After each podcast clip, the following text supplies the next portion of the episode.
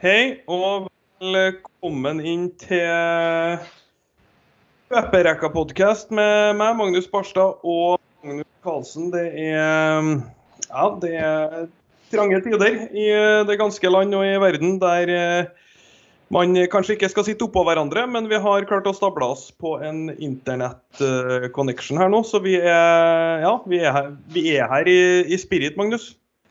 Det er vi så absolutt. Mangler eh, Morten Langli, dessverre. Ja, skulle ha hatt med Morty Black når vi skulle Men han er vel opptatt med noe hestgreier nå? Det er, for, det er god tid for hest nå, tror jeg. Ja, det, de hestene kan vel dure på, antar jeg. Ja, Hest og sjakk er de tingene som Hest, sjakk og fotball i russisk andredivisjon er det som uh, virkelig holder seg i, holder seg i kakken der. Ja, jeg har tenkt på det. da, altså Nå som vi bare er to, så er vi jo ikke en løperekke lenger. Så nå er vi kanskje bare en løperduo, eller et løperpar, hvis vi skal få Siden dette skal handle litt om sjakk også, så foreslår jeg at vi er løperparet i dag. Vi er løpeparet i dag. Ja, det, det er jo ofte sånn jeg blir beskrevet, så det, det sitter jo som ei kule, kjenner jeg. Ja. Eh, vi er jo midt i kandidatturneringa i sjakken nå. Eh, det, jo, det spilles jo om hvem som skal møte deg i eh, kampen om eh, den gjeveste tittelen. Eh, VM i Det blir vel nå altså Nå vet vi ikke hvordan noe egentlig blir nå, men det er planlagt mot jul eller på nyåret? Det er planlagt, ja. Det, planen er Dubai begynner sent i desember, men akkurat nå så blir jo alt det der litt opp i lufta, så Ja, det er akkurat det. Uh, men, men, så, men jeg vet egentlig ikke noe mer enn det akkurat nå. Nei. Nei de spiller i hvert fall om å få møte. Uh, en eller annen ja, en en eller, annen gang. Håper jo for så vidt at det Altså Hvis jeg har vært der, tenker jeg, så håper jeg at det har vært så lenge til som overhodet mulig. Ja, det er jo litt både òg, da. Eh, på ene siden så tenker jeg at eh, da slipper jeg å bry meg med det en stund, og jeg får være verdensmester lenge. Men mm. så blir jeg jo eldre også, vet du. Det er ikke en fordel, med det? Nei, det er jo ikke, det er jo ikke nødvendigvis det. Eh, jeg har ikke merket noe til at jeg har blitt så mye visere ennå, i hvert fall. Så den biten tror jeg ikke Nei. Så du, med, du, er 29 nå og du melder at du er på å råtne på rot? Ja, det er offensivt. Ja. Nei, men uh, Ja, det Deg om det. Jeg er 31 og en mann i min absolutt beste alder. Ja. Så da sier jeg deg om det også. Ikke sant. Uh, det er jo blitt spilt tre runder i kandidatturneringa nå, og det er uh, tre mann som er på, på, topp med to poeng. Hvordan syns du det har skjedd ut til nå? Nei, altså hvis vi, hvis vi skal snakke litt fra et på en måte tippesynspunkt, da, så altså, det har vært mye høyoddsere så langt. Det har det vært. Det kan man, det kan man trygt si. altså Ding, den rekka han har hatt, tap mot Hao og eh, tap mot Versier, og så, og så slå Caruana, det, den rekka der har jo virkelig eh, satt turneringen litt i, i flammer. Mm. Og akkurat nå så vil jeg jo fortsatt kanskje regne Caruana som en, en favoritt, men tanken om at dette skulle gå veldig greit for ham. Det har jo blitt kastet helt ut av, ut av døra etter det, etter det, tapet i går. Så det er, det er jo det er veldig spennende eh, sånn sett at det virker som folk spiller ekstremt eh, aggressivt. Eh, det, skjer, det, skjer, mye i partiene. Det er rett og slett eh, det er rett og slett mye mindre forutsigbart enn eh, egentlig jeg hadde sett for meg så langt. Ja, for I går så hadde jo Caruana hadde jo, øh, hadde jo ding øh, på, på, et strå en periode der, og oddsen på ding var 14 før øh, kampen snudde noe voldsomt. Ja, og da, der, ser du jo, der ser du jo bare det at man så jo Caruana hadde fått inn en forberedelse i åpningen, og så ofret to bønder og fått et voldsomt initiativ, mens Ding brukte all tida si. Men det Mm. virket altså så, så fort så, som Caruana var ute av forberedelsene sine, så, så begynte han å spille feil. Så det er igjen Ja, du Du hadde ikke kunnet fortelle meg midt i partiet der at eh, ja, det her kommer bare Ding til å vinne uten problemer. Det hadde jo det hadde ingen som hadde sett for seg. Så det ja, Nei, det viser hvor, bare hvor vanskelig det faktisk kan være å, å, spå hva som kommer til å skje noen ganger. Altså, hva som har skjedd til nå i mange av partiene, hadde ikke, hadde ikke falt meg inn. Nei, uh, men det er jo det som er litt uh, For å fortsette litt på det, det bettingsporet, for sjakkbetting er jo, det er jo, en relativt fersk ting. Uh, ja. Du ser jo at det er ekstreme svingninger live. kanskje kanskje nesten litt for, litt for, store svingninger litt tidlig i spillet. Kan det virke som når spillere fortsatt er i forberedelsen, så svinger, svinger oddsen voldsomt. Og jeg, som den, som den, som den uh, oddspilleren er, altså tenker jeg at her er det muligheter. Det, det, det tror jeg så absolutt. Uh, livespill i sjakk er veldig, veldig vanskelig. Ja. Og for, for, for, altså, Du kan jo få, fort få situasjoner der du ser at en spiller står, til, uh, står fullstendig til vinst, ikke sant? Men det er jo vanskelig for oddsen å helt kalkulere inn hvor, hvor, uh, hvor lett det er, eller hvor vanskelig det er å faktisk vinne. Eller som du ser i går, så som du sier, altså oddsen elsket jo det faktum at Caruana hadde så mye mer tid, men mm. det i og med at Ding vant såpass enkelt, så var jo åpenbart det også en vurdering som ikke var så var helt korrekt. da. For det har skjedd den flere ganger at tida er noe som blir fakturert veldig tungt inn. God, god tid tilsvarer godt overtak uh, oddsmessig veldig ofte. Ja, uh, det Men altså, sånne, sånne ting er veldig vanskelig å vurdere også, for plutselig så har ikke tida så mye å si, ikke sant? Plutselig Det som skjedde i, i partiet, var jo at Ding kom seg ut av problemene. Og da hadde han bare noen få minutter igjen, men det spilte ingen rolle siden det plutselig var, var lett å, å, spille. Så det er, det er, det er ikke lett, rett og slett. Nei. I dag er det hviledag, og da har vi kan jo ta det så at vi skal ikke bare snakke odds, men det er jo en grei måte å ha, ha en inngang på, på verdivurdering av det òg, for folk som hører på som kanskje ikke uh, er de største sjakk, uh, uh, sjakkjennerne. Så har du at Caruana akkurat nå han står til 2,50 til å ta hjem hele greia. Og du nevnte jo han mannen med navnet som er så langt at jeg tror seriøst ikke jeg får til å uttale det. Nepo. Neponiashi? Ja, det var en veldig Der to, kjørte de siste tolv bokstavene på bare en ski. Det likte jeg veldig godt, da. Ja. ja, Du nevnte jo han før til meg på, på privaten, at uh, du trodde han kunne være oppe og, og yppe seg. Og han har jo droppa fra 14 pre til 5 nå. Ja. Uh, det Altså, han har vist egentlig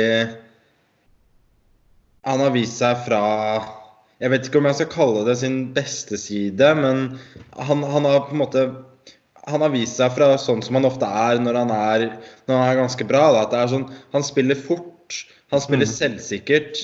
Han spiller til tider veldig presist. Han setter masse press på motspillerne sine. Da. Det er sjelden sånn, Han er en type som du Du får ikke noe god følelse etter at du har spilt mot ham, fordi du, føler at det har skjedd så mye rart. Og så enten så har du akkurat måte greid å vinne og komme deg ut av det, eller, eller klart en remis. Eller hvis du har tapt, så føler du bare at her har, her har du blitt lurt. Så han er Og foreløpig så virker jo det å virke ganske bra også på, på, på, på høyeste nivå. Så han er absolutt en veldig interessant outsider nå. At han står til fem nå, syns jeg ikke er urimelig i det hele tatt. Men jeg ser jo også da at Caruana er vel omtrent der som han var før turneringa, selv med et tap uh, mot Ding. Mm. Og det, jeg tror ikke det er jeg tror ikke det er urimelig uh, i det hele tatt. Men det er helt klart et faretegn å tape såpass stygt da, som han gjorde. Er han uh, Nepomanchi, eller hva du hva, hva, hva kalte du ham igjen? Uh, Nepomniashi. Nepomniachtchi. Det er sinnssykt bra komprimering av navn, men jeg liker det veldig godt. Eh, Nepomniachtchi. Hvordan syns du han står mot altså Med den eh, litt eksplosive spillestilen, hvordan syns du han står mot din egen spillestil? Altså Jeg har jo faktisk en minusscore mot han totalt i karrieren. Mm. Eh, jeg slo ham for første gang i langsjakk eh, nå i, eh, i Kroatia i, i, fjor. Så hadde jeg noen tap mens ja, De tapene var stort sett for en del år siden, men, men fortsatt eh, ikke skåret så bra. Eh, det, er, det, går litt på det at jeg syns han er en type som er vanskelig å spille mot, fordi eh, han spiller da Han spiller såpass fort og litt ukonvensjonelt konvensjonelt sammenlignet med andre. Samtidig så føler jeg at jeg har så god score mot ham i lynsjakk og hurtigsjakk også at jeg føler egentlig ikke spillet mitt står så dårlig mot, mot ham, men ja, det vil absolutt være en interessant spiller å, spiller å møte. Mm. Det eh, var jo mye snakk om Ding før eh, kandidatturneringa starta. Ja, hva, hva, står Ding til nå? Nå er Ding på 5,50. Det var jo han som utfordra Caruana oddsmessig før dette her. Uh, han var jo nesten helt out før han slo Caruana nå i, i uh, den tredje matchen. Men han har altså gått på to strake tap uh, før han slår Caruana og har kun ett poeng. Hva ja. tenker vi der? Jeg tenker at det er, det er, jo ikke noe bra situasjon å være i. Nei. Han har også spilt to to hvite partier mot, uh, mot Caruanas ene. Um, men Ja. Jeg, jeg ville vil ikke spilt det, for å si det sånn. Jeg, eh, jeg vil Han har absolutt en mulighet til å vinne, men han står helt, bak, helt klart bak f.eks. Nepomniachtchi-køen akkurat nå, føler jeg. Mm. Er, eh, han, han, har på en måte vist med to tap der at han er såpass uh, Ja, at han han, ikke, han, virker ikke å være helt stabil så langt, så jeg, treng, jeg, trenger å se mer før jeg skal ha noe tro på ham. Han er som kronekursen om dagen, han er volatil. Absolutt. Mm. Da fikk vi inn det òg. Uh, det, det, det jeg lurer litt på, det at når du, når du, har det feltet her, og så er det noen som skal møte deg i en VM-kamp, og så er det litt sånn eh, eh, Caruana har jo vært der før.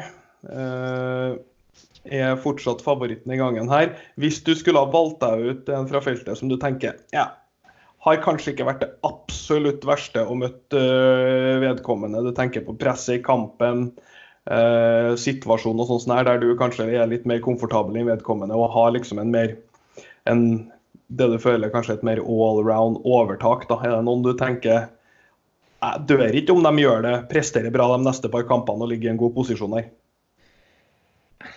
Nei, um, jeg, jeg, tenker jo at det mest interessante fra et sportslig perspektiv er utvilsomt Caruana igjen, i og med at jeg regner ham som den beste. Hvis jeg skal se hvem jeg føler at jeg har best sjanse mot, så føler jeg jo at jeg har vært ganske komfortabel mot, mot uh, Varsiela Grav i, uh, i, en lang, lang tid. Altså det er, det er, lenge siden han har egentlig Jeg har følt noe press mot ham i, i langsjakk. Nå skal det jo sies at i uh, lyn- og hurtigsjakk så har han utfordra meg veldig bra, egentlig, i en, i en lang periode, men jeg, jeg, føler at han er en som det skulle veldig mye til for at skulle gi meg noen problemer i, i, uh, i langsjakk. da. Um, så hvis det er noen jeg skulle tenke ja, hvis det er noen jeg skulle tenke at jeg har godt tak på av de der, så ville det utvilsomt, uh, utvilsomt være. Mm. OK. Uh, det, kan, det tar jeg egentlig rett inn i et lytterspørsmål her. Uh, der det har uh, Der det gikk på at du har fått deg kjæreste. eller hatt det en stund nå. Og at det har synka veldig opp med sterk prestasjon på brettet. Tilfeldighet, eller skal kvinnen i ditt liv tilskrives noe verdier?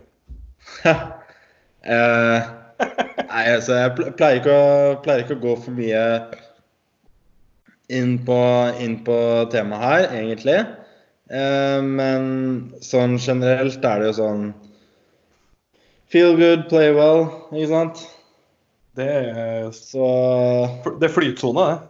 Absolutt. Så ja, jeg tenker, eh, jeg tenker vi lar den, lar den ligge der, så ber jeg om forståelse fra fra det ganske land for at, for at det er sånn.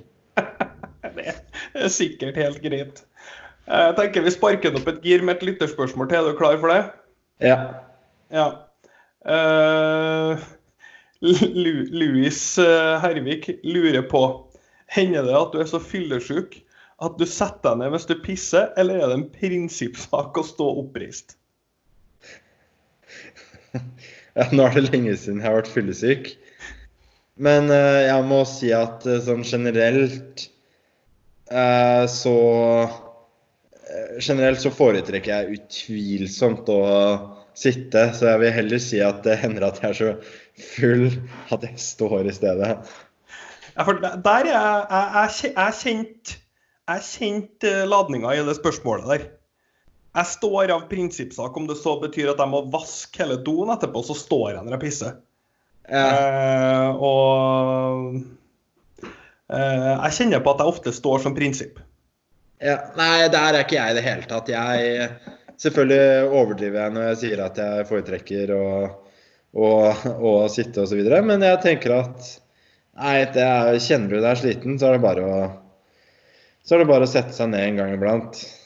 Men ja. uh, selvfølgelig, det er en godfølelse å måtte vaske hele doen fordi du har stått av prinsipp. Jeg kan se den.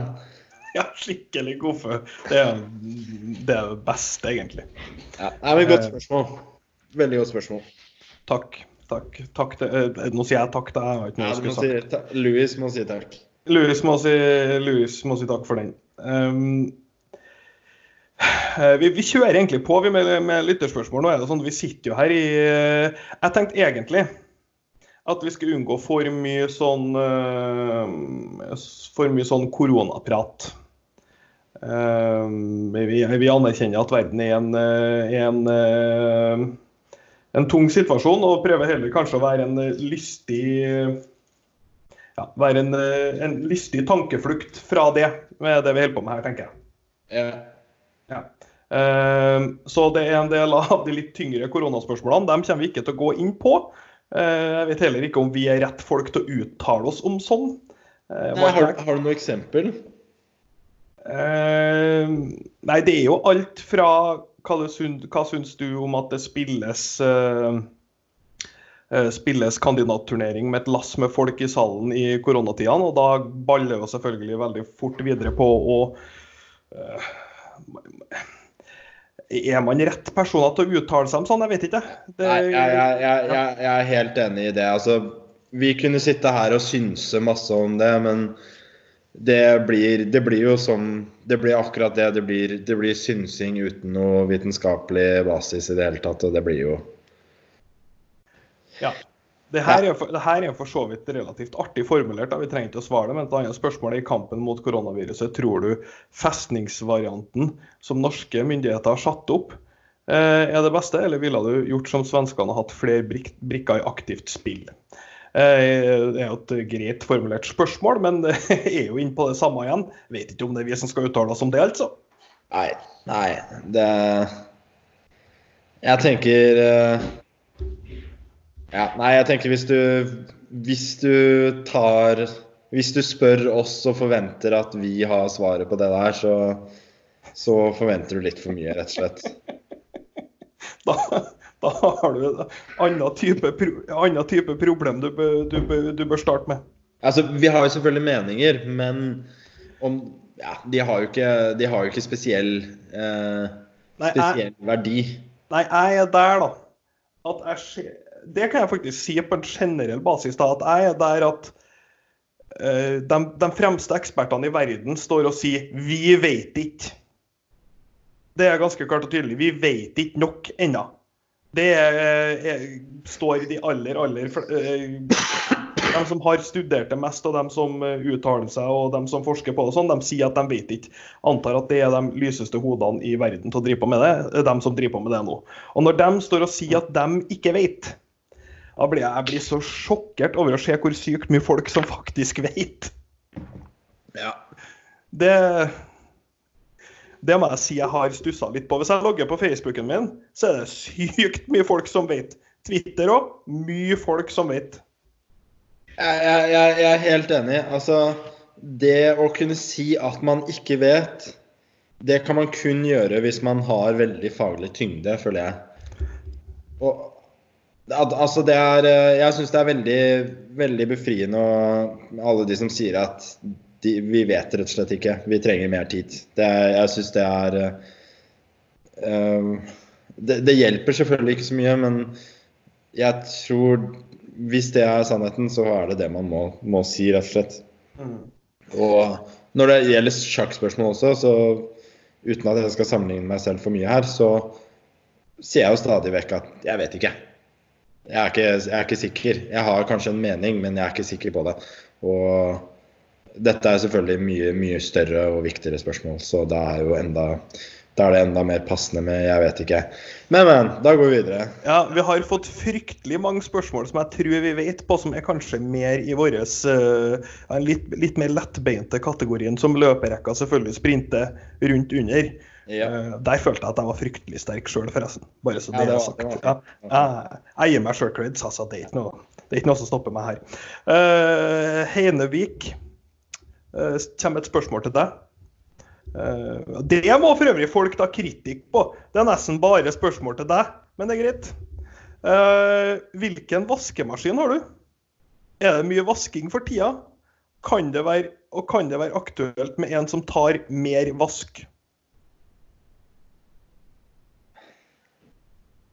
Nei, det er vel en Det er vel en mile av noe slag, da. Jeg syns det var et sykt bra spørsmål. Ja. Nei, vet du hva. Jeg skal, jeg skal ikke sitte her og gjøre reklame for noen. eh, Noe som helst. Det er ikke noe spons, da. Det, Nei. det. Um, Ja, Med mindre Heinevik vet at du har en milemaskin og jobber en bakkanal her nå, rett inn bak, og får deg til å snakke om det produktet eh, på poden. ja. I så fall så respekterer jeg så mye at det er greit.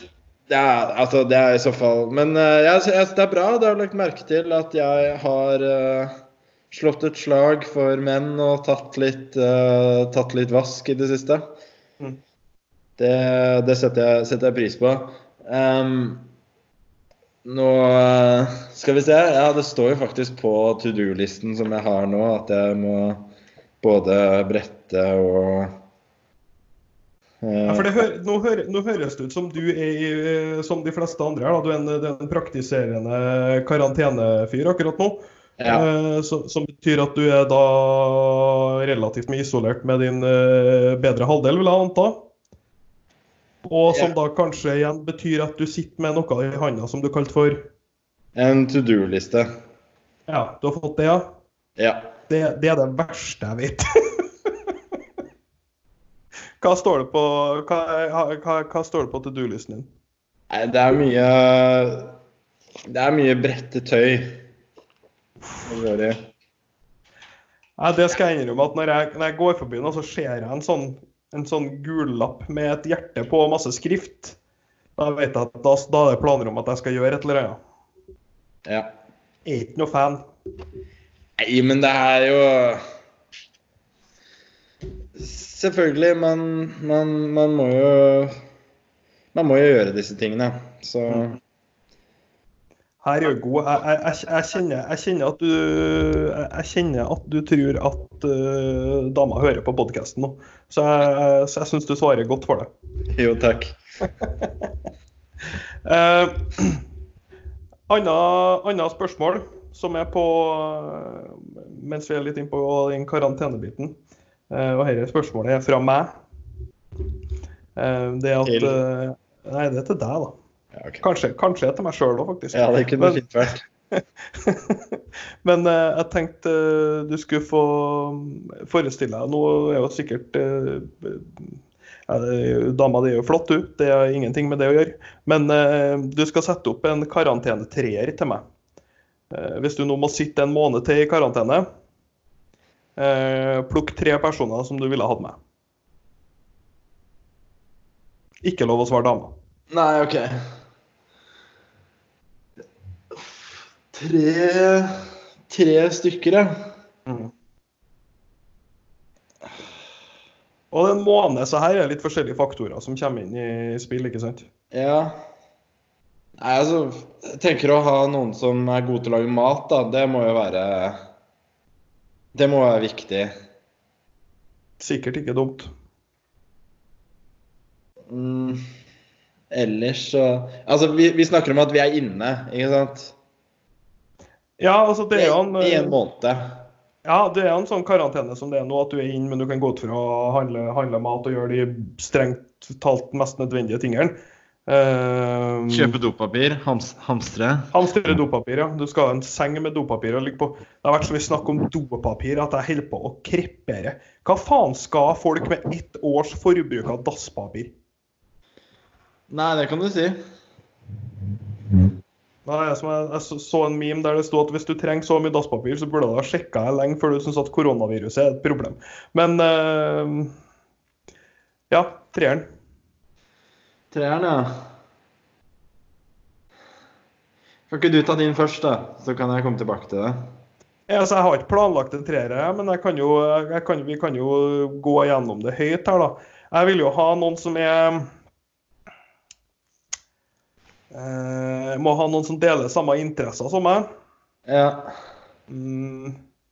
Vi, har, jeg, jeg kunne, du er selvfølgelig på lista, men jeg, vi kan heller ikke svare hverandre, for det blir sånn, det blir litt sånn øh. Nei, Det blir litt- det, det blir Jeg, jeg, så sier jeg deg, og så blir jeg lei meg hvis du ikke sier meg. og så du vet jo hvordan det er. Ja, nei, nei, nei. nei. Um, ja, det er klart Jeg kan jo ikke gå for internt på, på bare folk jeg kjenner heller, for det blir jo kanskje ikke så fryktelig artig å høre på. Ehm, Kone og barn ryker. Uh, ungene mine for øvrig, de er flotte, de, altså, men uh, de tar på, på, tar på litt i karantene. Det gjør de. Ehm, Nei, jeg kunne ha jeg tror jeg, jeg tror jeg kunne ha levd med Bernt Hulsker en måned, altså. Det tror jeg jeg har fått til. Du tror det, ja? Ja, han tror jeg er bra. Jeg tror han øh, har så vidt møtt han, og øh, han er, han er Hvis jeg skal bli underholdes i en måned og det er ikke noe sport på skjermen, så er jeg jævlig glad i en god historie, og der er Bernt bra. Nei, hvis du skal ha en god historie, så er det jo Høgmo du vil eh, ha, da. Ja, nei, det tror jeg blir, det tror jeg blir tyngre for meg enn Hulskeren. Ganske bra på skjenk, god på litt lystig. Men jeg trenger noen som kanskje drar i gang litt trening og litt sånn Drar i gang, drar i gang liksom en litt seriøs hverdag i tillegg òg. ja, da er du neppe han du Du ser etter.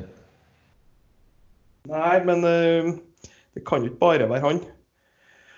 Eh, jeg tror jeg, ta, jeg vet ikke jeg tror jeg tar med. MC Hammer, han tror jeg tar med.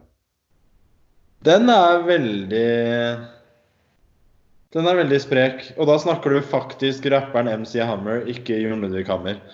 Ja, jeg snakka om Jon Ludvig Hammer, da. Men uh, gi, meg, meg Will Smith. Han tror jeg bare er fettrå. Gi meg Jon Ludvig Hammer og Bernt Hulsker. Den er fin. Ja. Da, da, er vi, da er vi good. Altså For min del, jeg er litt redd for sånne type ting. For det, altså, det her kommer til å komme tilbake, ikke sant? Det kommer til, å- Personen kommer til å bli intervju, intervjuet og får den Magnus Carlsen sa at, du, at han gjerne ville vært med deg i karantene. Ville du vært i karantene med han? Du trenger jo ikke å si tre fine damer her nå. Det er ikke nødvendig.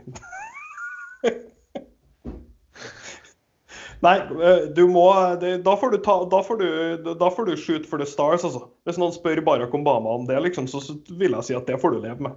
Ja. Ehm, jeg altså Tenker jo Jo, En type som Obama hadde selvfølgelig vært veldig, veldig spennende, da, men det blir jo det blir mye tunge temaer, tror jeg, i løpet av eh, en måned. Ja.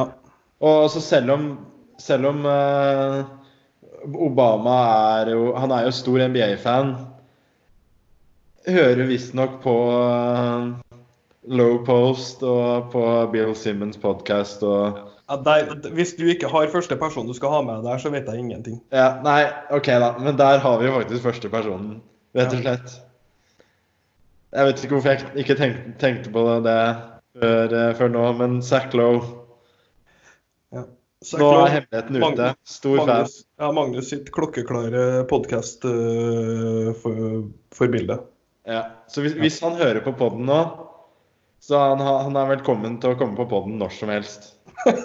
Vi stiller opp. Vi stiller opp. Ja. Vi drar i, midt i koronatider. Ja. Hvor Nei, vi gjør ikke det. Men øhm,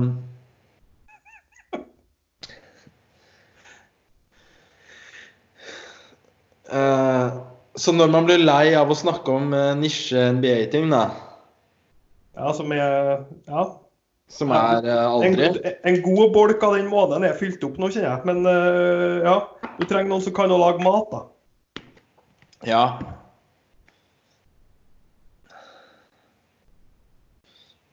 Jeg tenker, jeg tenker f.eks. Gordon Ramsay er slitsomt en måned. Ja Jeg skulle tro det. Eh, sånn type Jeg tipper Jamie Oliver er greiere. Ja.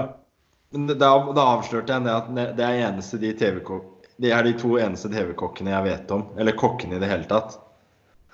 ja, du må klare å ramle innom Hellstrøm.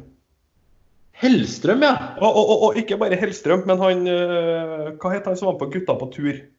Brimi. Arne Brimi, ja. Han er jo fin å ha med på tur. Ja Jeg tror ikke Hellstrøm hadde vært krise i en måned, altså. Nei. Nei sikkert mye god underholdning der òg. Men da, da, da må du låse inn Hellstrøm. Så har du Hellstrøm, Zack Lowe og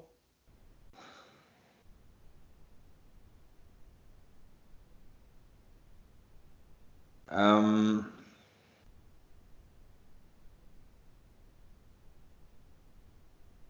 Donald Trump. nei, altså jeg- Trump fått låst inn han en måned. Tatt den for laget. Ja, det kan du si. Nei ja da, jeg, jeg, har, har nok med å lese tweeten hans en gang iblant. Ja. Det er, eh, det er en av mine favoritting å, å, å gjøre. Uh, Ja, Det var som vurdering i denne podkasten her om det å lese Donald Trump-tweets skulle være et segment. For der er det så mye sjukt innpå. det er helt fantastisk. Altså, jeg en Jeg følger ham ikke. Og jeg sjekker det altså, altså, kanskje en gang i uka, par ganger i måneden. Ba, bare for Fordi altså, da tar jeg en halvtime og bare leser gjennom tweets. Mm. Og det er jo, det er jo så mye gull, rett og slett. Det er eh, Ja, det er, det er veldig, veldig gøy. Jeg syns spesielt han har vært god, god eh, nå, har- nå har han jo generelt vært god i det siste. Både korona og, og aksjemarkedet er han jo stor på. Eh, syns det er fantastisk den evnen til å stå oppreist, se rett i kamera og bare si Jeg har sagt dritlenge at dette her er kjempeille. Jeg har sagt kjempelenge at dette her er et gigaproblem, og vi har tatt det dødsen seriøst fra dag nummer én. Som om du ikke ble filma av en million kamera for ei uke siden når du sa noe helt annet. Det er bare, å kjøre på. Ja. Ja, det er det, og Men Hva kan jeg si? Altså, det virker å funke. Det virker som det funker, ja. Ja. Det, det, Uten at vi skal gå videre, videre inn på det, da. Eh, kanskje akkurat i dette tilfellet så, så gjør det jo ikke det, i og med at eh, stakesene plutselig har blitt veldig, veldig mye høyere. Og dette, liksom, dette er ikke snakk om hva som er eh, folk som syns er pinlig eller ukomfortabelt. Dette er faktisk snakk om Mm. eh, menneskeliv og eh, helsa til en hel nasjon. Men, men. Eh, han er i hvert fall ikke sistemann på lista, da. Det, det, kan, vi, det kan vi si. Um,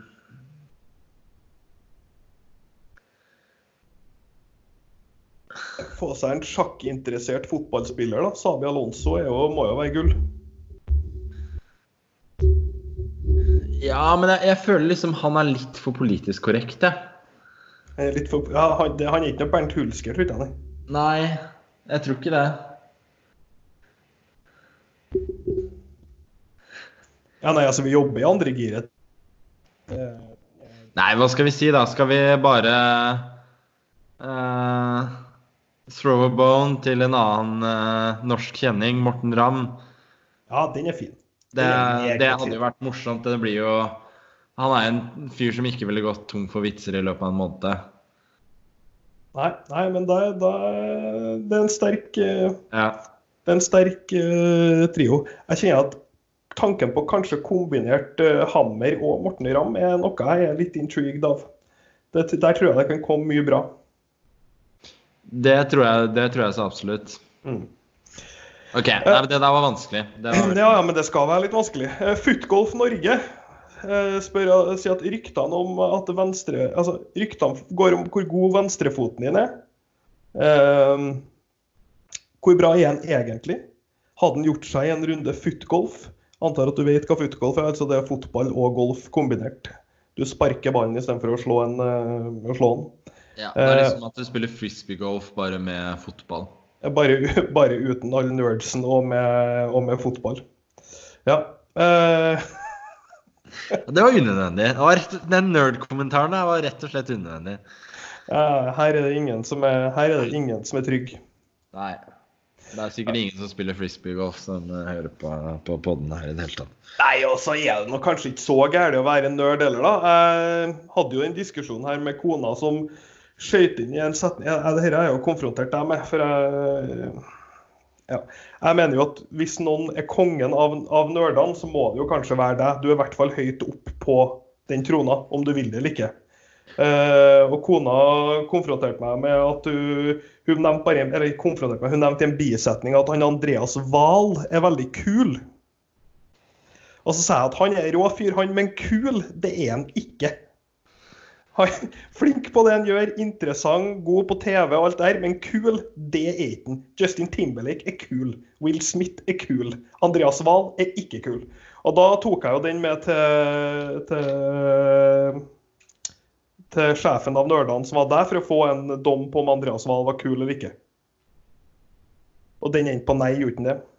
Ja, det, det, gjorde, det gjorde det. Altså, nå, har jeg ikke noe, har jeg ikke noe veldig forhold til akkurat det, der, bortsett fra at jeg synes den, den derre skolevalggreia, det syns jeg var litt kjedelig, egentlig. Ja. Uh, Nei, altså, er sikkert fin fyr, han, men viben er ikke kul. Nei, jeg er helt enig. Uh, du har liksom Du har uh, oh, Nei, kul Nei. Er enig i det. Eh, Jeg er jo heller ikke kul, ikke sant?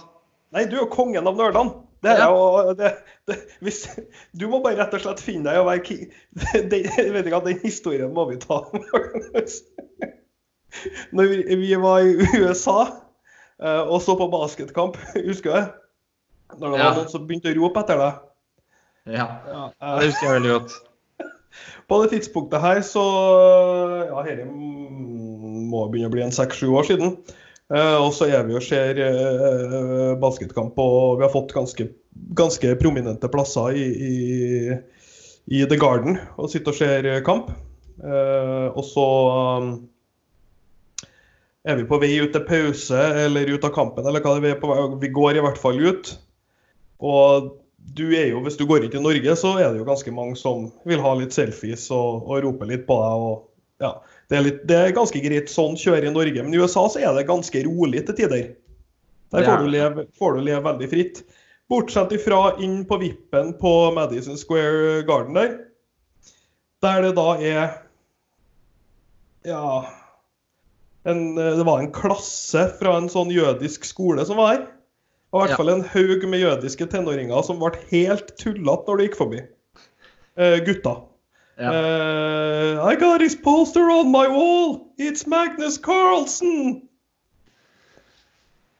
Og da er jeg Der og da ble du king of the nerds for min del. Ja. Nei, jeg, jeg, jeg er helt enig. Altså, man må på en måte kjenne sin eh, Kjenne sin audience, da. Ja. Og der, eh, der Ja, jeg er helt enig. Akkurat i det øyeblikket så var det jeg som var, eh, var stjerna. Det, Ja. Det var ikke, det var, ikke- Superfornøyd med det. Nei, det var ikke guttene på banen, det var du. Eh, Nei, og, og det, var ikke, det var ikke Tom Hanks eller Ben Stiller som satt rett ved siden av oss. Nei, det var heller ikke det. Det var du. Det var du som var mannen for, for dem der. Det var faktisk som Altså, det var det råeste for dem. Uh, og det må vi ha respekt for. Men vi var på, vi var på, spør, vi var på et uh, spørsmål fra Footgolf Norge. Ja, det var venstrefot, vet du. Ja, og har han gjort seg en runde footgolf? Og hvem har den beste foten av oss to? Ja, nå vil jeg si at uh, du har eh, definitivt bedre teknikk, overblikk enn meg. Men jeg vil si når det kommer til uh, pasningsfot og skuddfot, så er min venstrefot bedre enn noen av dine bein. Det smerter meg å si, for jeg tror at Nå har ikke jeg spilt footgolf. Jeg tror jeg er jævlig god i footgolf. Overall fot, så er venstrefoten din bedre enn høyrefoten min. Tror jeg du er bedre enn meg i footgolf? Nei. Nei, det, det tror ikke jeg heller. Nei, det var kjedelig svar, da. Uh, men har venstrefoten din gjort seg på en runde footgolf, som de spør om? Tror du det? Har, du, har du touchen til å putte, eller eh, blir det mye driving? Jeg tror uh, puttetouchen min er ganske bra. Eh, når det kommer til drivingen Jeg har jo prøvd litt grann da, i Kragerø, på eh, Kragerø Resort der. Mm. Så har de en liten footgolfbane, så jeg har prøvd litt. Og det, det har vært variert, variert hell, jeg kan jo si eh, såpass mye. Så jeg vil si at foreløpig så er jeg på tja på om den hadde gjort seg på, på, på footgolf. Og, Vi, vi må ta en runde footgolf, jeg nå. Ja, og, og jeg, jeg tenker også det går jo også Det går ikke bare på hvor god foten din er også. Det går jo på i hvilken grad du kan vurdere terrenget osv. Men ja, konklusjonen er at vi må ta en runde i footgolf. Ja, ja, og jeg kjenner også det at desto mer vi lærer om footgolf, desto mindre interessert er jeg i å se hvor gode vi er. Det er jo den første runden her, alt på linja. Vi må bare gjøre vurderingene når vi står der. Det er jo den som avgjør hvem som er best i footgolf. Etter hvert så, er det hvem som har øvd mest, som er best. Ja. Ja. Uh, så den Skal første ikke ha noe sample size her. Det. Nei, nei, nei. nei, nei. Jeg kjenner at det er irriterende at du har vært i Kragerø, men jeg har, så jeg har øh, ja, jeg har, jeg har gått rundt og skutt litt på, på blink, altså skutt på lyktestolper i gata. Så jeg tror vi er ganske given før vi starter. Det, det, akkurat det hørtes ganske sjukt ut. Bare gått rundt.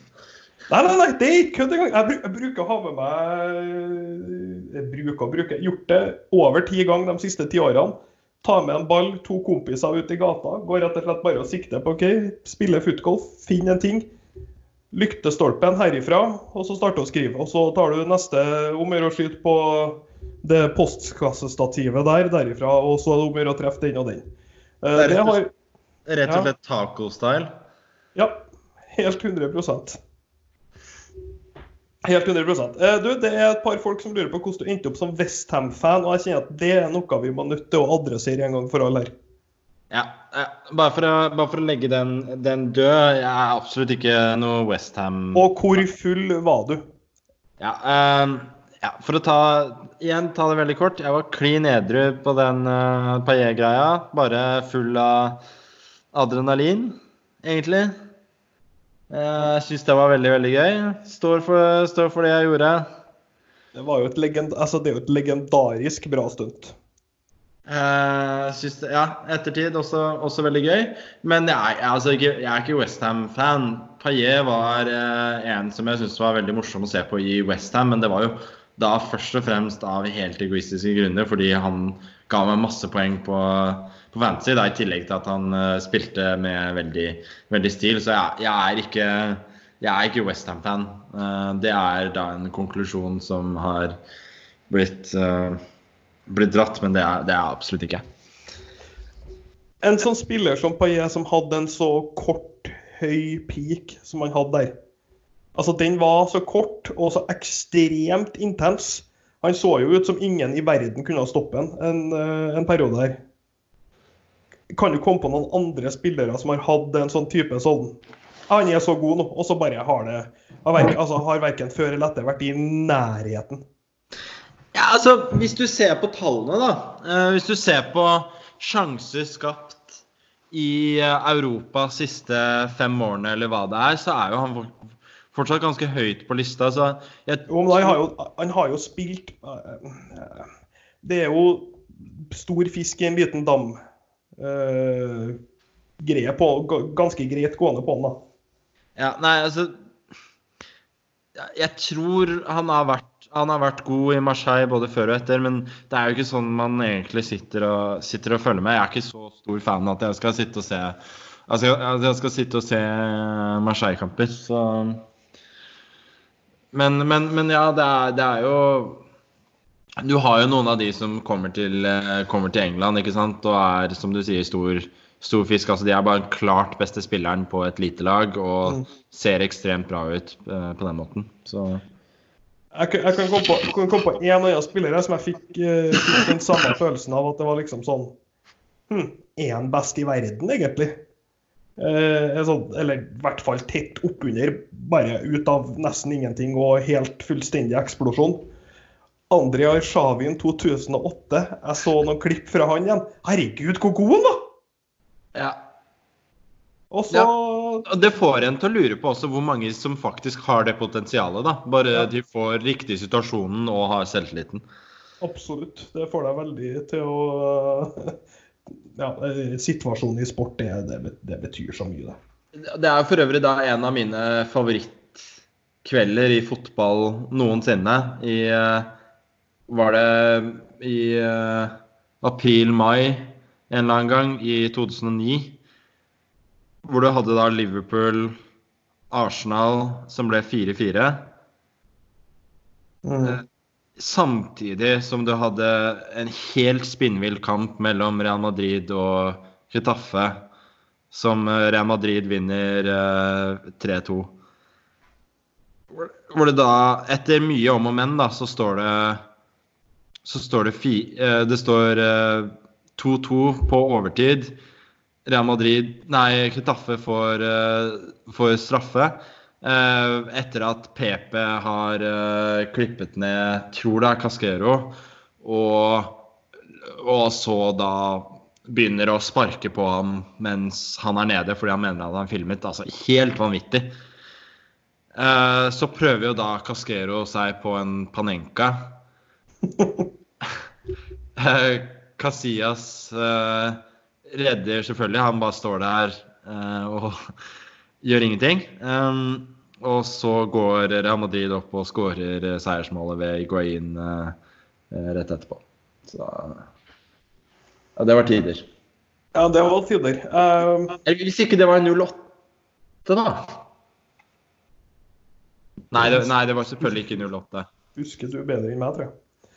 Jeg, jeg kom til å tenke på en annen kamp som jeg jeg kan tenke meg å ta opp her.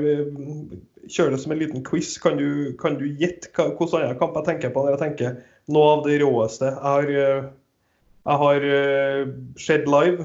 Jeg har ikke sett live, men uh, sittet og sett på eksplosjon på slutten, feiring osv. Uh, begynner å bli en del år siden. Hint vi var samla. Ja, uh, vi snakker jo ja, for øvrig, det var 2009, da. 24. Eh, nei, 21. april. Uh, og det var vel også den sesongen da så Real Madrid endte opp med en, en haug av poeng, men Barca tok, tok akkurat, akkurat tittelen. Um, nei, jeg, tenker jo da at vi snakker Dortmund-Malaga. Det gjør vi. For en avslutning på en kamp. Ja. To mål i overtid. Herregud. Det var sykt, det. Ja, det var det. Dortmund til semien, gullaget gull, gull, til guttene. Da var det Altså, Da var det liksom sånn ukontrollerbar feiring i kjelleren når vi satt og så på den, altså. Ja, absolutt.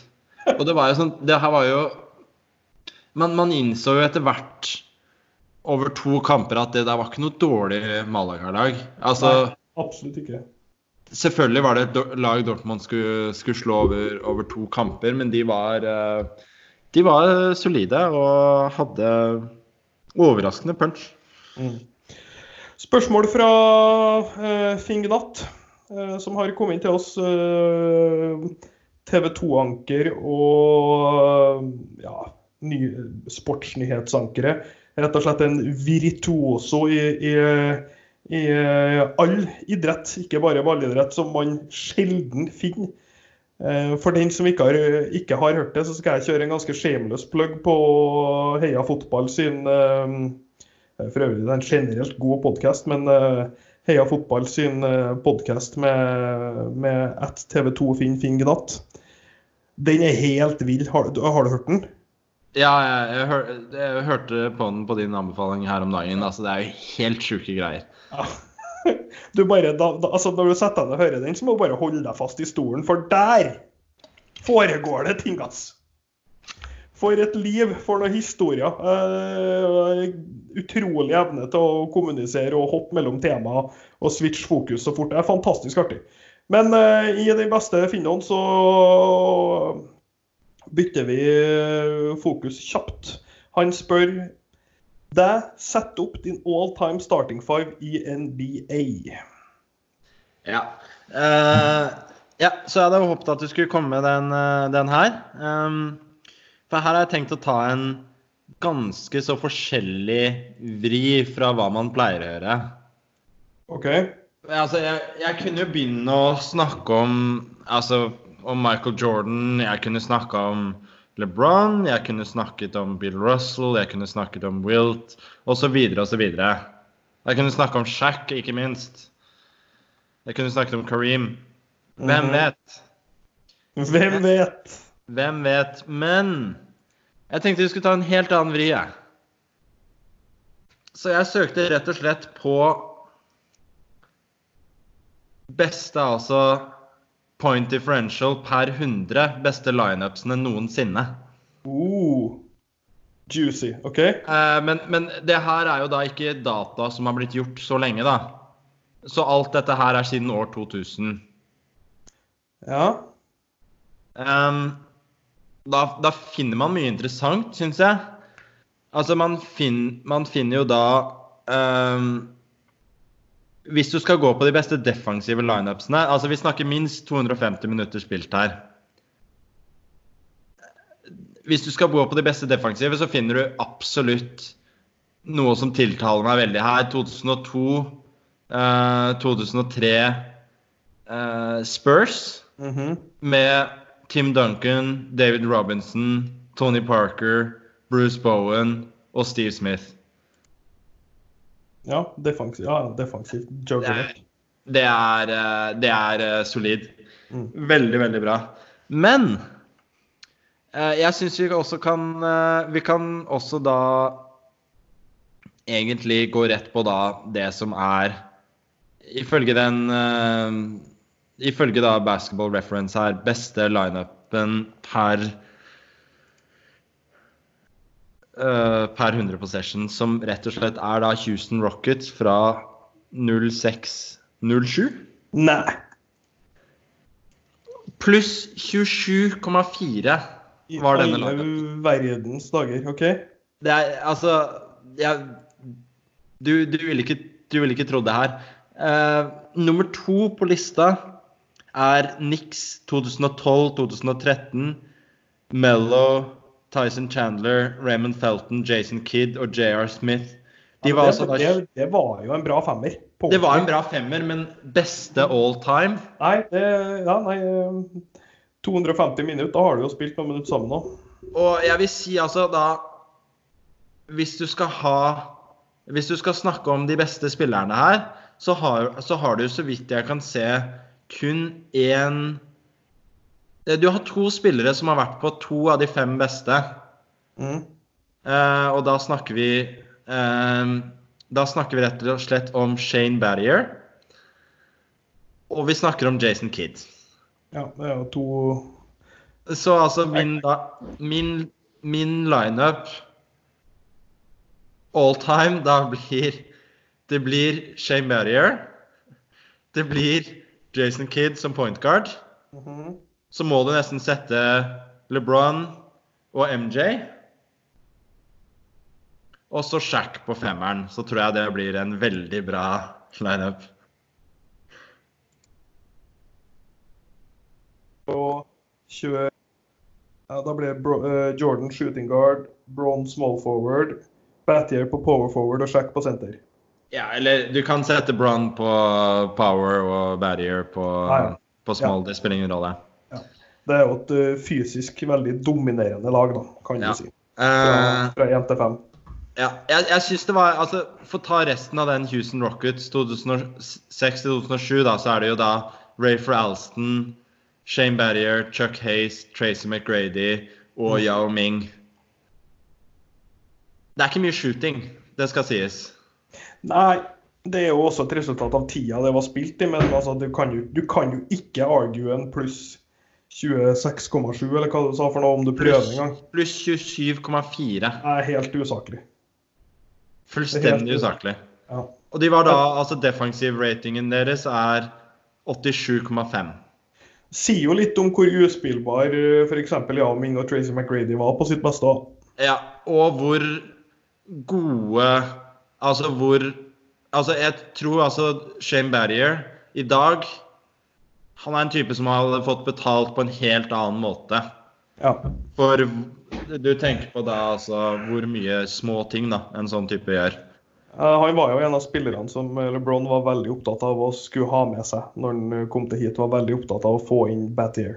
Ja, og han, er, han var jo også da på nummer, på nummer fem her, som er uh, Mavs 2010-2011 med Coran Butler, Shane Barrier, Jason Kidd, Novit, eh, Dirk og Deshaun Stevenson.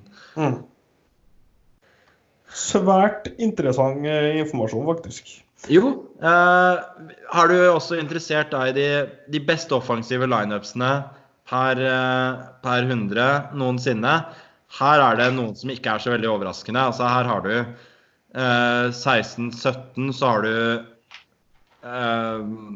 Så har du altså Rockets med Harden, Ryan Anderson, Trevor Reza, Patrick Beverly og Clint Capella, som er den, rett og slett den mest uspillbare noensinne. Mm. Ja. Um, og så har du selvfølgelig da på lista også da Curry, Durant, Green, Clay og vår gode venn Zaza Pertulia. Altså, det er ikke Death Lineup, men Nei, det er det, det, det Zaza Lineup. Ja, så altså det som du gjør da med Hvis du tar ut Sasa og bytter ut Iguodala, så blir de enda bedre defensivt. Men du trenger tydeligvis Sasa for at de skal være uspillbare offensivt. Mm. OK, er du nå da klar for den klart dårligste lineupen noensinne? Uh. Ja, ja, greit. Jeg, er mm, er det en Charlotte Hornets lineup, eller er det en Philly lineup? Nei, Bobcats, kanskje? Nei. Jeg kan si så mye som at Er det en Lakers lineup? det er en Lakers-lineup. Det Ja. er tre Allstars på laget. Det er Nash, Howard og Kobe. Nei, det er litt, det er litt senere.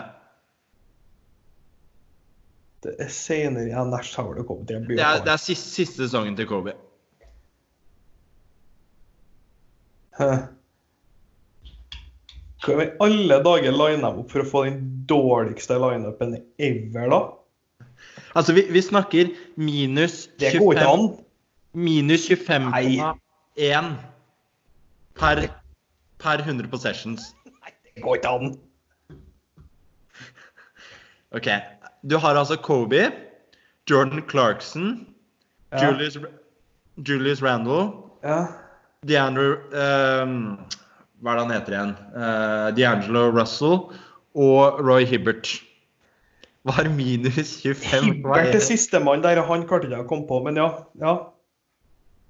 Herregud, ja, det er jo en På det tidspunktet de der var i karrieren Det er jo dårlige spillere, men det er, dette tror jeg er det tror jeg er det ultimate rævtimingen du kan ha på å kom, kombinere, kombinere tidspunkt på når fem spillere er på banen i, i, i, på feil tidspunkt i karrieren sin.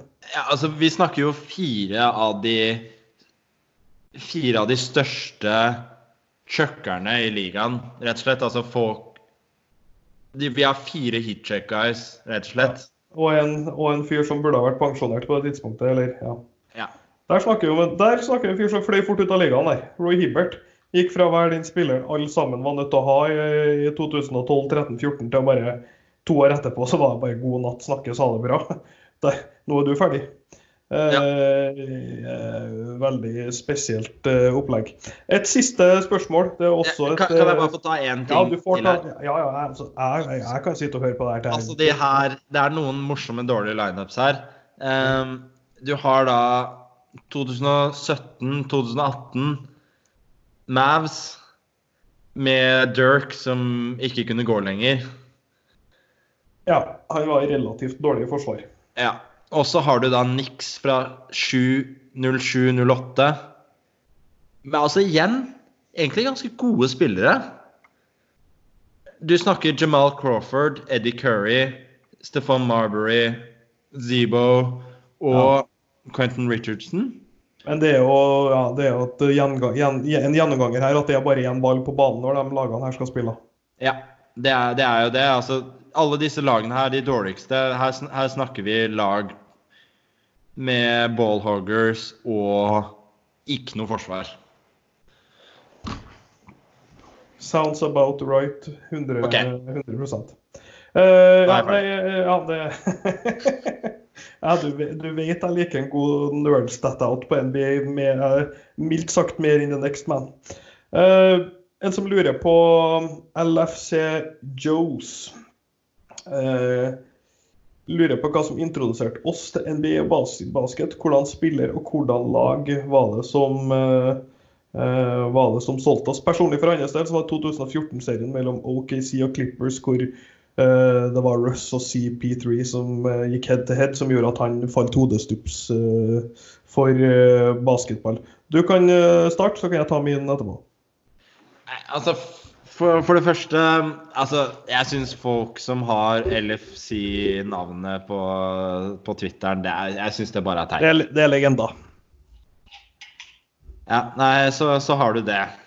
Um, Så ble han slakta for det. Sånn, greit. Ja, OK. Nei, for, for min del så er jo det Det var jo ikke noe jeg vokste opp med basket. Altså, jeg hadde jo jeg hadde så veldig mange disse basketkorta. Jeg var jo helt overbevist om at uh, Michael Jordan var den beste i verden, og så var Scottie Pippen nest beste, og så var Dennis Rodman den tredje beste. Det husker jeg at jeg lærte på skolen. Hvor mange, hvor mange kort hadde du? Ja, jeg, jeg hadde ikke så veldig mye kort. altså Det eneste jeg husker, var at Chicago Bulls var liksom Det var det alle snakka om. Ja. Du hadde ikke telt kortene dine? Det finner jeg veldig overraskende. Nei, nei eh, jeg, var ikke, jeg var ikke så Jeg var mer opptatt av eh, fotballkort og POG. OK. Ja, det er enig. Um, ja, så, så for min del så var det da en kompis av meg, eh, for øvrig en legende, som heter Johannes Quisle. Jay Quizzle, shout out.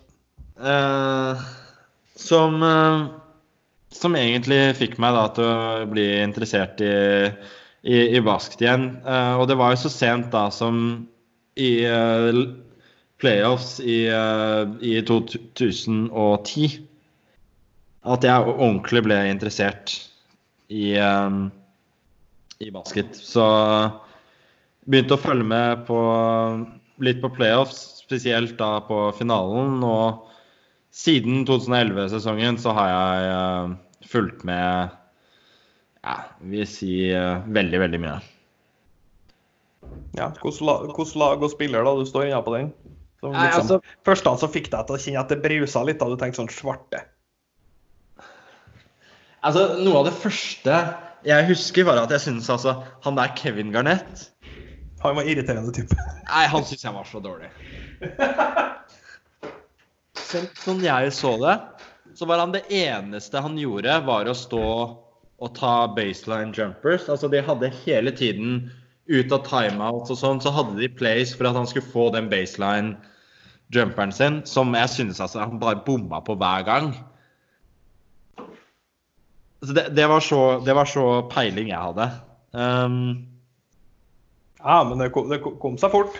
Nei, jeg vil si at første Jeg, jeg, jeg, føl, jeg håpet jo på Boston, da. Uh, egentlig fordi Johannes gjorde det. Uh, og første favoritten min, det var jo Jeg likte Rondo. Mm. Det, det, det, må jeg si. Jeg, liker fortsatt Rondo. OK, for min del uh, Vi skal litt lenger tilbake, men uh, det er jo utrolig kjedelig svar. Men uh, du var jo inne på det, du òg. Første spilleren som Ja. Første gang jeg så noe klipp av basketball, første gangen det var på nyhetene første gangen det var noen som fikk gravd til seg en DVD, så var det Bulls i finals, og det var Michael Jordan, og det var Space Jam, og det var Det er en standard historie for noen som er født for ja, 30 til 40 år siden. Eh, Michael Jordan, Michael Jordan, Michael Jordan. Og så var det han som gjorde uten tvil at jeg falt for basketball. Og så var det Shaquille O'Neal veldig kjapt etter det som ble en obsession av en figur som jeg var så fascinert med at jeg kunne ikke få nok.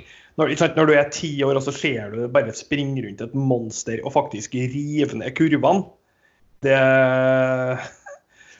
Det slo hjem gjør det. Han syntes jeg var rå. Det er kult. Eh, ja, det var veldig kult. Det er litt sånn som Zion Williamsen, som tråkker gjennom skoene sine og, og dønker så gærent på kurva i en B-kamp at de måtte bytte kurv for at rimmen har blitt skeiv. Sånne ting eh, Der er jeg enkel. Sånne ting syns jeg er artig. Vi skal runde av med det, med det siste, vi, siste vi har her. Det var Eh, sette opp eh, hva som er din life hack i, eh, i karanteneperioden nå.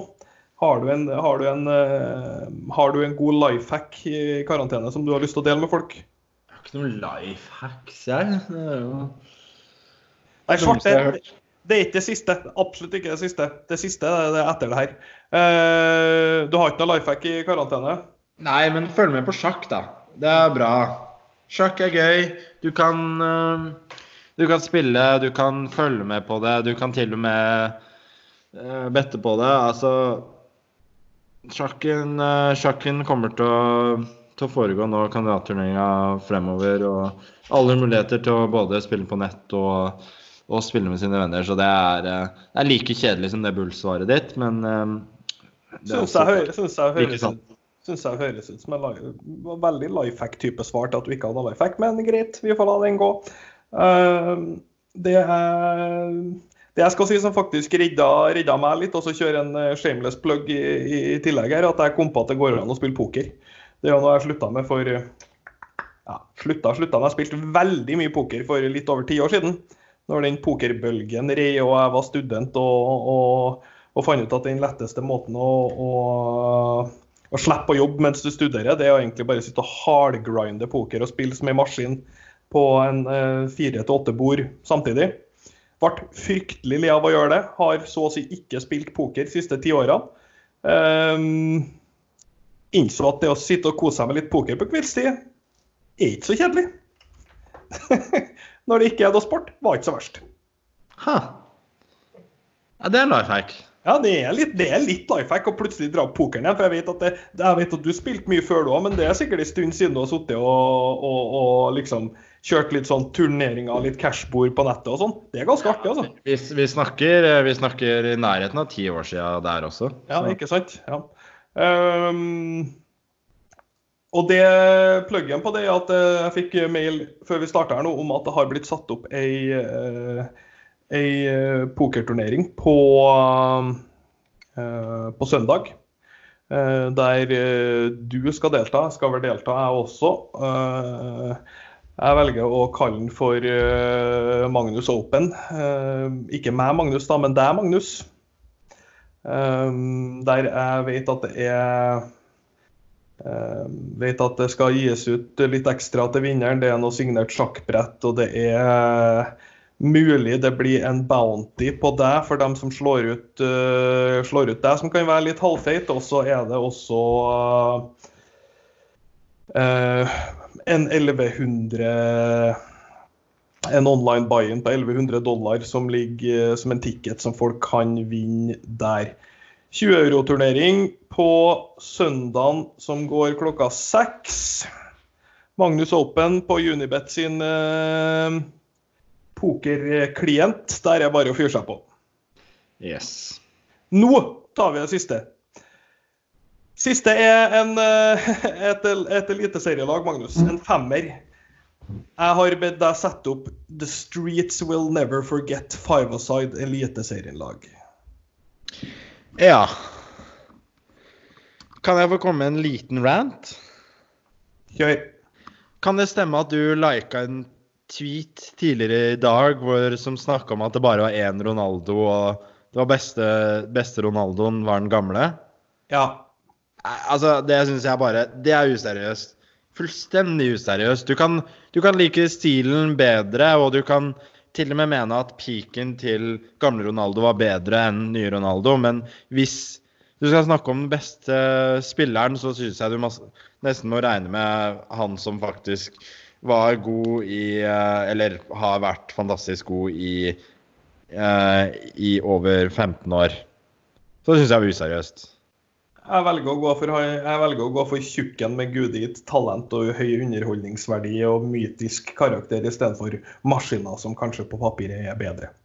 Det er ikke noe snakk om kanskje på papiret er bedre. Han, han er jo bedre. Det er, det er som Jeg syns ikke her skal man eh, Jeg syns ikke man skal blande inn personlig smak når det, når det gjelder eh, Når det er såpass langt da, mellom, mellom merittene. Jeg syns Ronaldo, gamle Ronaldo var helt fantastisk å se på selv, og egentlig morsommere å se på enn en ny Ronaldo, men du kan ikke diskutere hvem som var best. Den boksen har ikke vi tida til å åpne nå. Jeg, Men, kan, men. Si, jeg kan si at jeg er eh, prinsipielt enig med deg. Emosjonelt uenig. Og det er greit, ikke sant? Og da innrømmer du det. Er Ferdig med den. Ferdig Ja. med den. Ja. Men Vi skal, vi skal sette opp en eliteseriefemmer. The streets will never forget my friend. En femmer eh, i Eliteserien. Five-a-side-lag. Ja. Uh, så, altså, sånn her syns jo jeg er vanskelig, da. Eh, så her, her tror jeg bare må må nevne de lagen, de navnene som kommer først til meg. Ja, kjør. Ja. eh, da må jeg nesten begynne med Peter Kopteff. Ja. Eh, slo altså da Slo corneret som eh, Rabona. Ja, det er, det er et veldig sterkt kriterium for å få han inn på lista. Eller slo han bare utoverskrudd med samme bein? Jeg tenker utoverskrudd, men eh, Nå, nå, jeg har hele tiden sittet og tenkt at han slo Rabona-corneret, men det er kanskje bare tull. Det gjorde i hvert fall inntrykk på en ung Magnus som syntes det var veldig gøy. det, Ja, vi, vi kommer tilbake til den, kjenner jeg. Ja, OK. Ja, vi, kom, vi kommer tilbake Ja, til men det. da er jeg på eh, laget, det er greit. Um, ja, så har du da eh, Christian Wilhelmsson, chipen. Uh, jeg bodde jo bodde i Bærum og var litt på Stabæk-kamper og uh, fulgte mye med på dem, så jeg syns jo han var, uh, var veldig veldig bra. Til og med til og med autografen hans, men den tror jeg jeg mista, altså. Søren. Eh, men uh, han var i hvert fall veldig, veldig gøy å se på. Uh, en annen som jeg syns var spennende å, å følge med på, Ørjan Berg. Kanskje litt for god til å være med på det laget her. Ja, det er vel kanskje mer eh, Det er vel kanskje mer broren som er materialet for et sånt her lag. Ja. ja, da dropper vi ham. Da tar vi heller med Thomas Finstad. Den er meget sterk. Hadde kanskje ikke teknikken til å være med på det laget, men selv på et five-side lag så trenger du noen som kriger inn, kriger inn de viktige målene, og det gjorde definitivt Thomas Winstad. Ja, det får du. Nå begynner det å bli vanskelig. Ehm, uh, Sinjo også kanskje litt for god. Ja, det er lov å være god, da, men uh, blir mye, blir mye Stabæk-spillere her. ja, det er jo huden du har vokst opp i, så det er mulig at han ikke får glemme Ja, det første. Uh, nei, hva har du kan ikke du kan ikke du begynne på ditt, da, så kan jeg tenke litt videre? Ja, jeg har uh, Selv om han er brannspiller, så tror jeg gatene aldri kommer til å glemme Charlie Miller. Ja, den er fin. Ja, uh, Det er, det, det, det, det er Jeg husker bare var det, var det vel i 2007 at Stabæk og Brann kjempet om tittelen? mm. Og Jon Ludvig eh, kom på, på skolen en dag. Han hadde vært og sett på kampen. da. Han har far som er bergenser, så han heiet på Brann da, og ropte bare sånn Charlie Mure, Charlie Mure på, på skolen. Etter det så har jeg ikke likt Charlie Mure.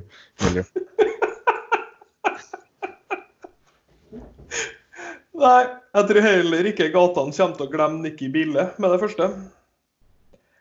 Eh, Bokstavelig talt. Så han, eh, han får en plass. Jeg har også to Rosenborg-spillere.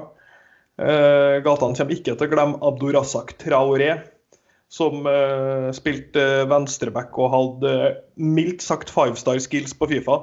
Han sto rett og slett og kjørte drilleshow nede på venstrebacken. Ja, han var kul, han. ja, han var helt sinnssyk. Eh, Han skulle ha ønska ha spilt veldig mye mer. Eh, utrolig underholdende spiller. Jeg fikk liksom aldri ut det i ren fotballverdi, men eh, du visste aldri hva han skulle gjøre. Og han kunne gjøre et par helt drøye ting. Um, I tillegg så ser jeg meg nødt til å eh, eh, til å ta med Peter Kovac. Ha. Det er, det er, jeg føler det er han og Thomas Finstad går for det samme. Ja. Eh, faktisk blitt toppskårer i Eliteserien en gang, men eh, eh, ja. Jeg mener han nesten forklarer seg sjøl hvorfor han skal inn på det laget. her. Legende med stor L. Gatene kommer aldri til å glemme Peter Kovac i det hele tatt.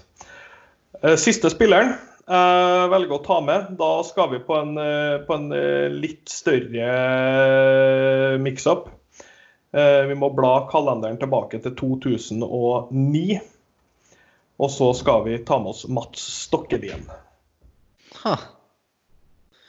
Han som øvde på trampoline for å ta Og det er veld, veldig derfor han er med på, eh, på den lista her. Det er trampolinebrassesparkene som eh, tar den inn. Det er min femmer. Ja, nå ble jeg nesten litt målløs. Det her var jo ikke, det var jo ikke dårlig i det hele tatt. Nei, det er bare bruk, det er bare bruk fantasien. Du har, du har en meget god start her, du òg. Ja, altså hvis du, hvis du skal ta Abdurazak Traré, da, så Josef Kone er jo også en fin uh... Meget sterk. ja, Ja. Det, Eh. det sto på en splitt der. ja. Jeg skal ha Finstad, Klippen, Koptef, Josef Kone. ja da, da føler jeg man trenger en forsvarsspiller her også. Ja, Um, nå, nå må jeg tenke her. Ja, laget mitt er litt svakt i for- forsvar, ser jeg, men det får bare gå. Faen, jeg glemte av en som seriøst skulle ha Ja, nei, da vil jeg si, eh, da vil jeg si rett og slett Rayo Piroya. eh, Piroja. Det er meget bra. Han eh, vil verken Han vil verken gaten eller skattemyndighetene glemme med det første. Nei. Nei, det Nei, faen. Jeg bomma. Det går ikke an. Eh, jeg tar ut eh, Jeg må ta ut noen. Eh, jeg tror jeg må ta ut Nikki Bille, faktisk. Ja. Raymond Kvisvik. Mm. Kan ikke lage det laget her uten Raymond Kvisvik. Greåker innebandys finest. Ja, ja, men altså, det, det Gatene kommer aldri til å glemme Raymond Kvisvik. Nei, jeg, jeg er helt enig i det. Lenge etter vi har forlatt denne planeten, så kommer han fortsatt til å, til å bli nevnt på gatehjørnene. Uh, I dag fikk vi gått gjennom litt av hvert, altså. Dette var en faglig faglig tung podkast. Ja, jeg, jeg kjenner altså de NBA-lineupsene. Det, altså, det her kan jeg Spesielt det her kan jeg holde på med lenge, lenge. Ja, Den eh, samtalen kjenner jeg kommer til å fortsette eh, off the grid her. Men eh, takk til alle som sendte inn spørsmål. Takk til alle som uh, hører på. Og ja, takk til Magnus som, eh, som stiller opp. Vi sitter jo her i karantene, så det er bare å Hvis noen har noe tema eller noen veldig solide ting som jeg vil at vi skal snakke om, så skal vi ikke se bort ifra at vi kommer tilbake med en podkast til på et eller annet tidspunkt. Skal vi si det sånn? Ja, det var sikkert mange spørsmål som vi ikke fikk uh, tatt her. Og det var jo sikkert fordi de var dårlige, rett og slett. Nei da. Men uh, Like savage her som det er på Twitter. fortsett å sende inn spørsmål. Setter pris på det. Og spesiell shout-out til, uh, til Finn, eh, sport- og podkastlegende. Han tror jeg kanskje vi skal ha med oss en dag. Det syns jeg absolutt. Han må, han må Sacklow og Hellstrøm, så har vi en god podkast. OK, Maga. Vi, vi snakkes. Hvem, hva, hvem tror du er Hellstrøms uh, five-a-side-lag? Hvem jeg tror er Hellstrøm sitt five-a-side? Det får vi komme tilbake. Det Jeg tror, jeg tror ikke det er Raymond Kusvik. Tror jeg. Det, det kan jeg si. Okay. Men uh, ja, det, det, den er fin å tenke på. Det, hvis, noen, eh, hvis noen har lyst til å svare oss på det, så er vi mm, Jeg vil si jeg er i hvert fall tilgjengelig for at dere kan sende meg noe svar på det. Jeg vet ikke om Magnus er men jeg er i hvert fall tilgjengelig hvis dere har lyst til å sende oss noen svar på hvem som er Hellstrøm sitt five-a-side-lag. Nå begynner vi å bli spesifikke. Ja. Eller ikke gjør det. OK, vi snakkes, Maga. Vi snakkes. Ha det.